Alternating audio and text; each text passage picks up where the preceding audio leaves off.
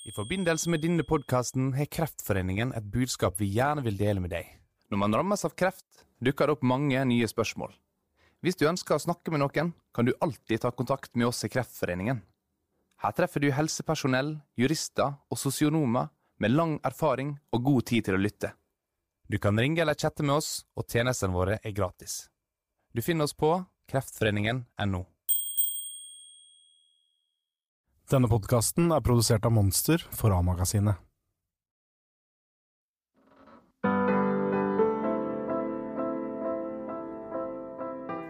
I desember fikk komikeren Christine Koht vite at hun hadde kreft med spredning, og at den eneste behandlingsformen, såkalt immunterapi, ville være risikofylt. Christine er midt i behandlingen, men nå har hun fått alvorlige bivirkninger, og framtida er enda mer uviss. Jeg heter Joakim Førsund, og dette er tredje del av Kot vil leve.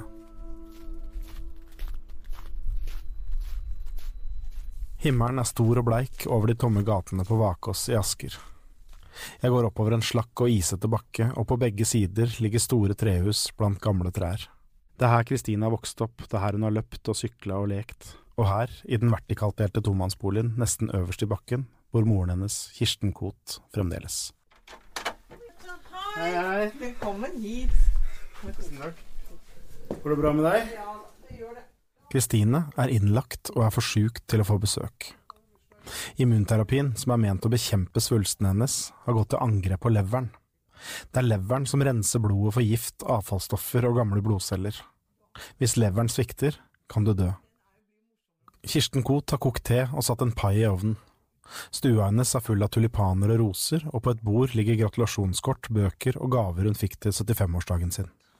Jeg eh, har styra rundt i to-tre uker og forberedt en fest for 40 gode venner. Veldig utvalgte mennesker. Eh, Så det klarte vi, og det ble en fantastisk fest. Eh, Men for meg så ble det jo også en underlig situasjon, fordi at Kristine kom, hun kom litt senere. Hadde, alt var regissert og planlagt. Kristine var veldig dårlig dagene før, og jeg var veldig tvilende til om hun skulle komme. Om det var riktig for henne å komme, men hun bare insisterte og sa at jeg må komme, mamma, for jeg må holde den talen til deg. Jeg må, Vennene dine må få høre hvem du er for meg. Så hun kom, og hun var her eh, i en og en halv time, men da var hun altså så dårlig, og det var så hjerteskjærende å se henne. Og det var et magisk øyeblikk da hun holdt en tale, for da sto vi bare og holdt rundt hverandre, og så sa Kristine bare sånne På en måte ikke store ord, bare sånne små ord. Sånn at 'jeg elsker deg, mamma'. Jeg er redd for at Kristine skal dø. Jeg er redd for at hun skal bli borte, og det kan ikke jeg skjønne hvordan jeg skal klare. Og så må jeg Jeg kan jo ikke bli i den skuffen der som heter redsel. Jeg må jo dytte den inn igjen, og så må jeg gå inn i en annen, trekke ut en annen skuff og tenke at jeg må, jeg må og skal og vil være sterk for Kristine. Så av og til så viser jeg Kristine at jeg er redd, men ikke for mye. Jeg, jeg kjenner at jeg må gi henne mot òg. Jeg må gi henne kraft, og jeg må, jeg må holde roen.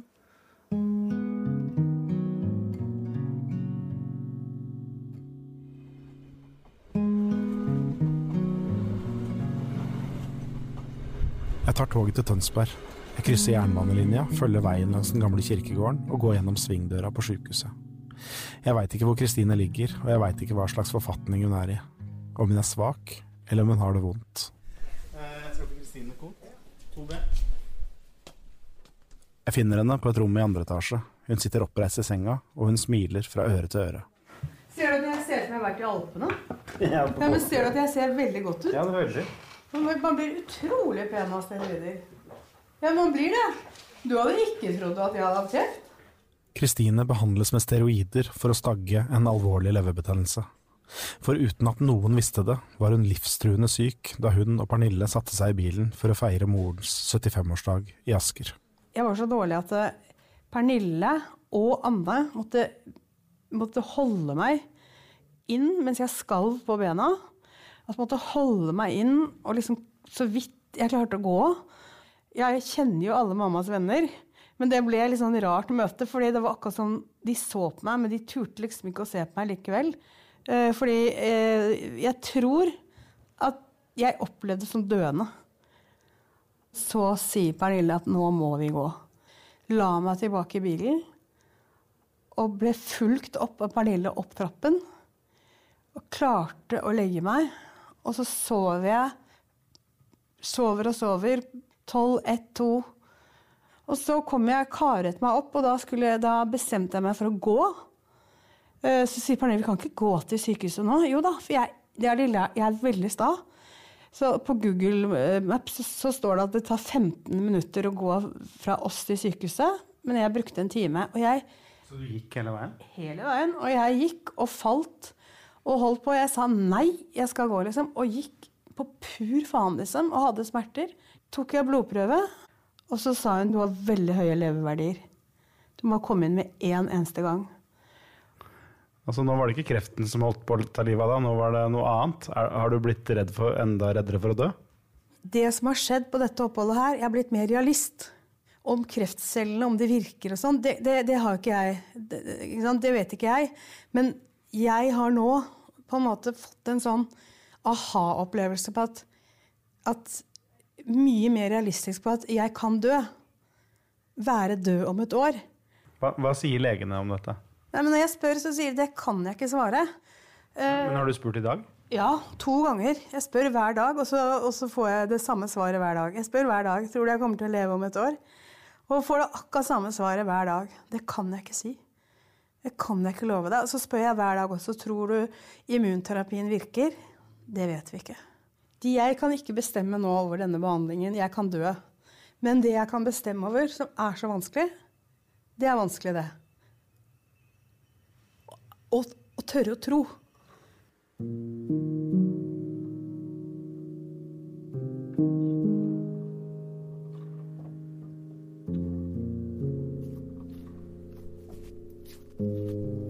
Jeg lar Kristine hvile litt og gå gjennom smågaten i Tønsberg, ned Møllebakken og bort til det røde trehuset i Øvre Langgate, for å treffe Pernille. Hun har dårlig samvittighet, sier hun. Hun tenker at hun burde ha skjønt det tidligere, at Kristine var alvorlig syk, og at det ikke burde gått i bursdagen til Kristines mor. Da vi dro, så tenkte jeg nå tror jeg faktisk at du har vært og tatt noe.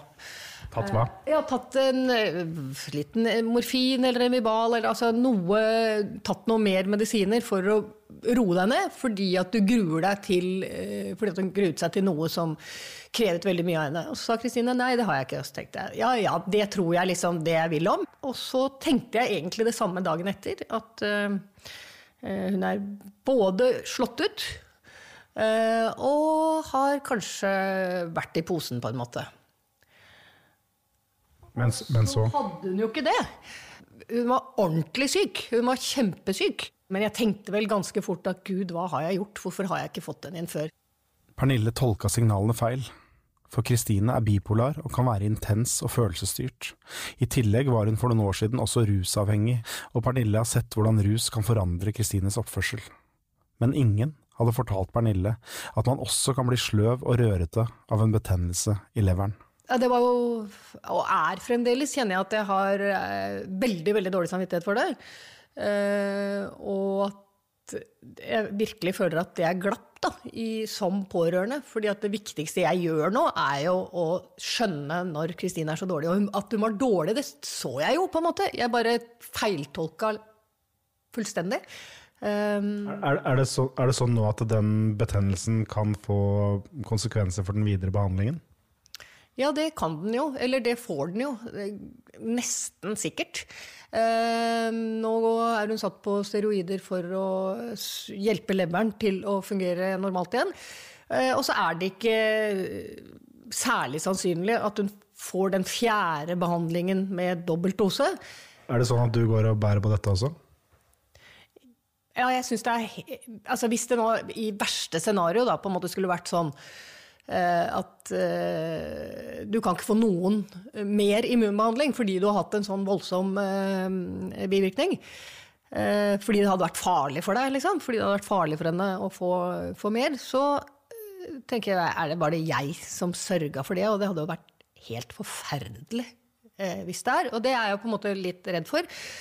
Det er jo også sånn at Eh, Kristine er bipolar, eh, og det betyr jo at hun har perioder hvor hun er veldig intens. Og gjør dette at, eh, at behandlingen på en måte blir litt komplisert for, for alle.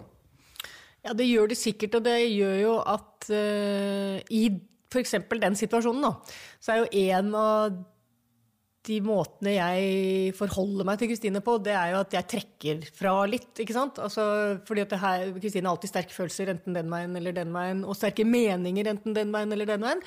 Um, og sånn at jeg slår jo av ganske mye, og tenker sånn, ja ja, det var vel kanskje 30% mindre alvorlig, eller 50% mindre viktig, eller, og kanskje noen ganger litt sånn, det stemmer vel ikke helt. Eh, Så det er jo ikke alltid at jeg tror helt på hennes rapporter om ting. sant? Nei, så hun kan si at 'nå har jeg forferdelig vondt der', eller 'dette er veldig dramatisk', eller 'nå dør jeg om et halvt år', og så tenker du 'jo, jo, ja, ja'. Ja, jeg gjør jo det. Og selvfølgelig er det kanskje i noen tilfeller, sånn som her, sånn at jeg ikke tror at alarmen har gått, når den kanskje egentlig har det.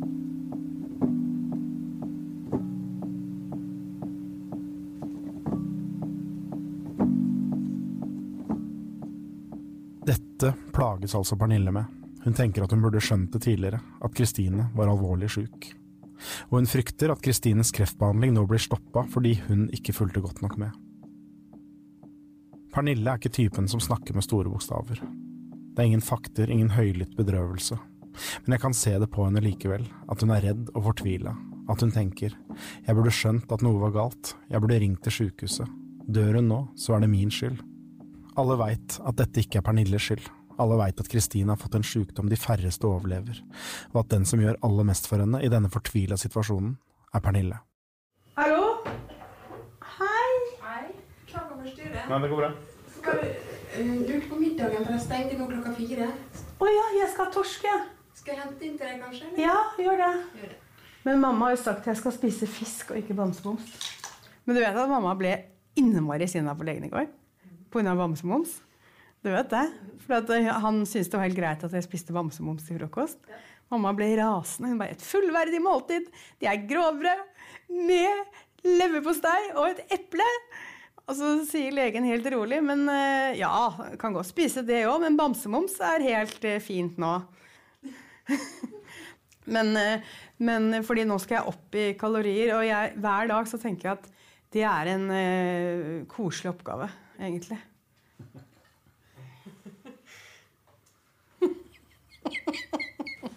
Hvorfor ler du nå? Jo, fordi altså Det er bare en absurd situasjon å være. liksom, jeg har levd et liv Jeg klarer liksom ikke Noen ganger jeg har grått mye. Jeg har hatt mye angst liksom, for dette livet og innmari redd for døden. Mens nå lever jeg liksom Det er så annerledes liv at det går liksom ikke an. Her sitter jeg med smekke, og så står det liksom Sykehuset Vestfold. og så spiser jeg sånn herlig sånn ihjelkokt sykehusmat. Den er ikke verst. Det var godt med litt saus på, egentlig. Du, det, er ikke, det er ikke verst, egentlig, altså. Syns jeg den syns den egentlig er ganske Ja, det syns jeg var ganske god. Det er lillesøsteren til Kristine som ringer, Jeanette. Hun bor et steinkast unna barndomshjemmet deres på Vakås i Asker, med mann og barn. Jeanette er lege, og de siste månedene har søstrene snakka mye sammen i telefonen. Nei, men eh, prøvene er bedre i dag. Å, så fint, da. Sånn at eh, eh, nå skal jeg eh, trappe ned på de, de steroidene en måned. Men jeg får inntrykk av når legen var her i dag, og Karin, at de er veldig usikre på om de tør å gi meg en sånn dobbel dose en gang til pga. leveren, fordi leveren tåler ikke en omgang til. Nei, ikke sant? Og det kan man i verste fall dø av. Ja, nei, det vil vi ikke. Nei, vi venter litt. Så neste mitt mål nå, det er jo å ta en kaffe i Tønsberg, da. Ja. Jeg kan ikke styre over de kreftbehandlingene, og det, for, det kan ikke jeg styre over. Men det jeg kan styre over, er mine små mål og mine små gleder. Ja, og ha det gøy, og at vi kan få gjøre Kose oss, og da er det lettere å dø. Ja. Ja. Ja. Da har vi det i hvert fall hyggelig. ja, det er sant. Det er viktig. Det er viktig å ha det hyggelig. Vi ler helt i begravelsen. Ja. Du er god, du. Ja. Ja, ja. Ha det, vennen min. Elsker deg. Ha det. Jeg liker måte. Ha det. Ha det.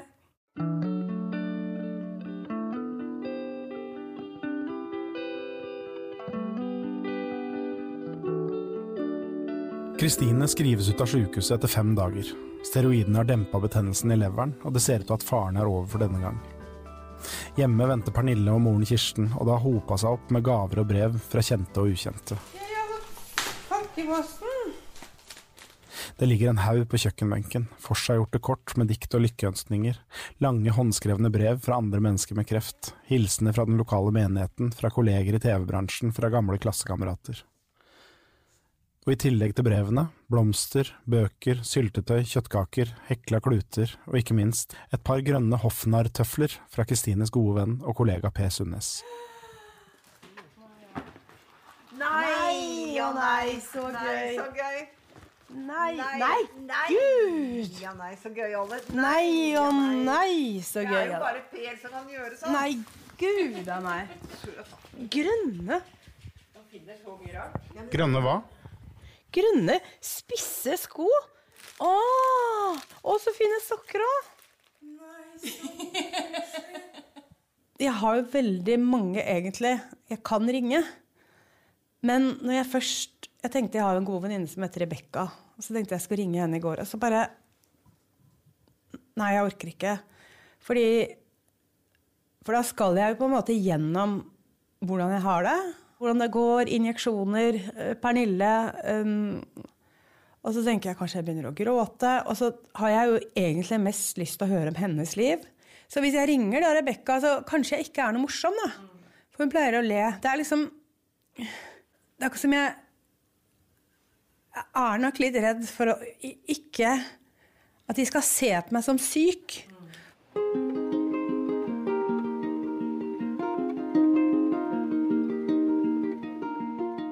Jeg har jo alltid sagt til henne at Kristine, det er veldig viktig å komme av scenen av og til. Det er liksom noe jeg har holdt på med hele tiden. og sagt hvis ikke du kommer ned av scenen, så går det deg dårlig, liksom. For du må jo leve livet nede på bakken òg. Du må jo være sammen med oss andre. For det er jo ikke noe godt å ha en datter som bare er på en scene. Så sånn sett, så nå er hun jo virkelig Jeg har jo aldri hatt så mye kontakt med henne noen gang. Vi har aldri snakket så dypt og inderlig. Og hun har aldri vært så åpen på at hvis det nå skulle skje, mamma, at jeg dør, så har vi to hatt det helt fantastisk i disse månedene. Og til og med så får du en podkast på toppen, sier hun, og så ler hun.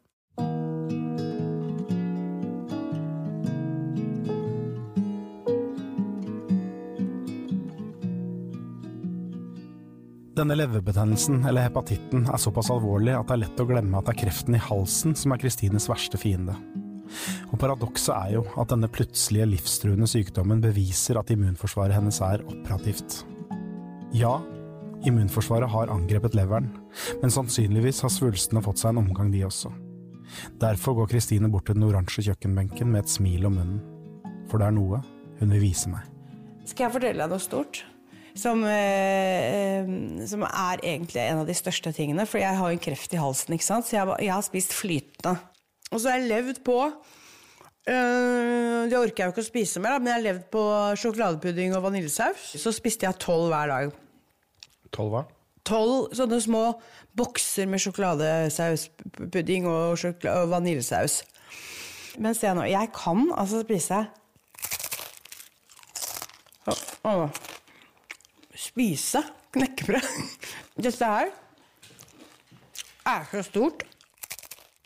Og mens Kristine står her og knasker og forteller om dette mulige gjennombruddet, så ringer legen hennes på Radiumhospitalet, Anna Winge Main. Anna? Ja? Ok, hør nå.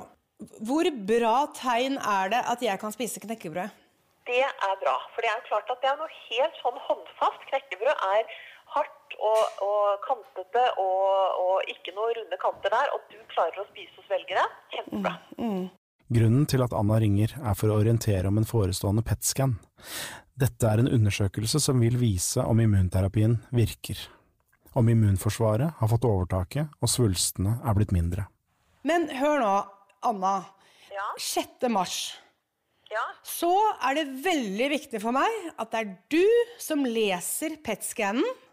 ja. Og det er du, for det, det, det er du som kommer igjen, for det gjør meg trygg. For hvis det skulle være spredning noen steder, så kommer jeg til å bli allikevel trygg. Jeg kan ikke leve uten deg i denne perioden. Det tror jeg jo Nei. at du kan, men jeg er der. Altså, poenget er det at 6. mars, da skal vi gå gjennom bilder, og vi skal snakke om hvordan jeg syns alt ser ut, og hvordan det har vært. og vi skal, altså, Da skal vi gå gjennom alt sammen. Da kan søster og mor og alle være med hvis de vil det. Ja. Ikke sant? Så kommer jeg til å se deg da sånn hver tredje måned. Nei! Kan jeg ikke få se deg én gang i måneden? Vær så snill, Anna! Du vet hva? Vær så snill! Nei, for det er ingen som får liksom det sånn altså jeg, Vi pleier å ha kontroller hver eh, tredje måned, vi. Ja, greit. Så er jeg eh, klar den sjette til, og så tar vi liksom gjennom alt. Da blir jeg innmari glad, Anna. Men du, tusen takk, da, Jo, det var veldig hyggelig å snakke med deg. Ha det. Ha det. Det var så hverdagslig og trivielt, det øyeblikket ved Kristines kjøkkenbenk, og egentlig den påfølgende samtalen også med overlegen fra Radiumhospitalet, at det tok litt tid før det gikk opp for meg at disse bitene med knekkebrød, som kunne ferdes fritt gjennom Kristines hals, gir henne grunn til å tro. Før var det tre svulster der, de var store som valnøtter. Hvor er de nå? Har de flytta på seg? Er de blitt mindre? Er de borte?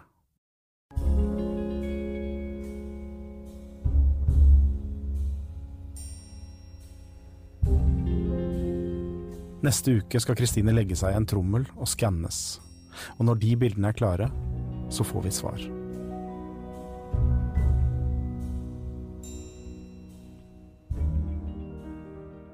Dette var tredje del i serien Kot vil leve. Den fjerde kommer fredag om en uke. Denne podkasten er laget av Sigurd Øygarden Fleten og meg, Joakim Førsund. All musikk er ved Sufjan Stevens. Serien er produsert av Monster for A-magasinet. Redaktør er Lillian Vambheim. Jeg må opplyse om at Christine Koht har opphevet taushetsplikten til sin behandlende lege Anna Winge Main, som er melanomansvarlig på Radiumhospitalet.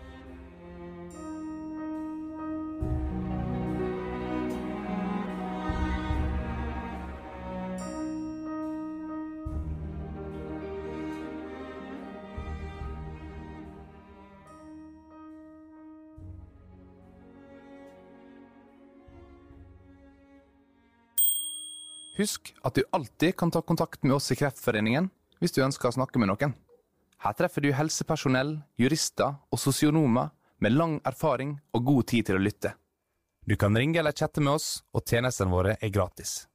Du finner oss på kreftforeningen.no.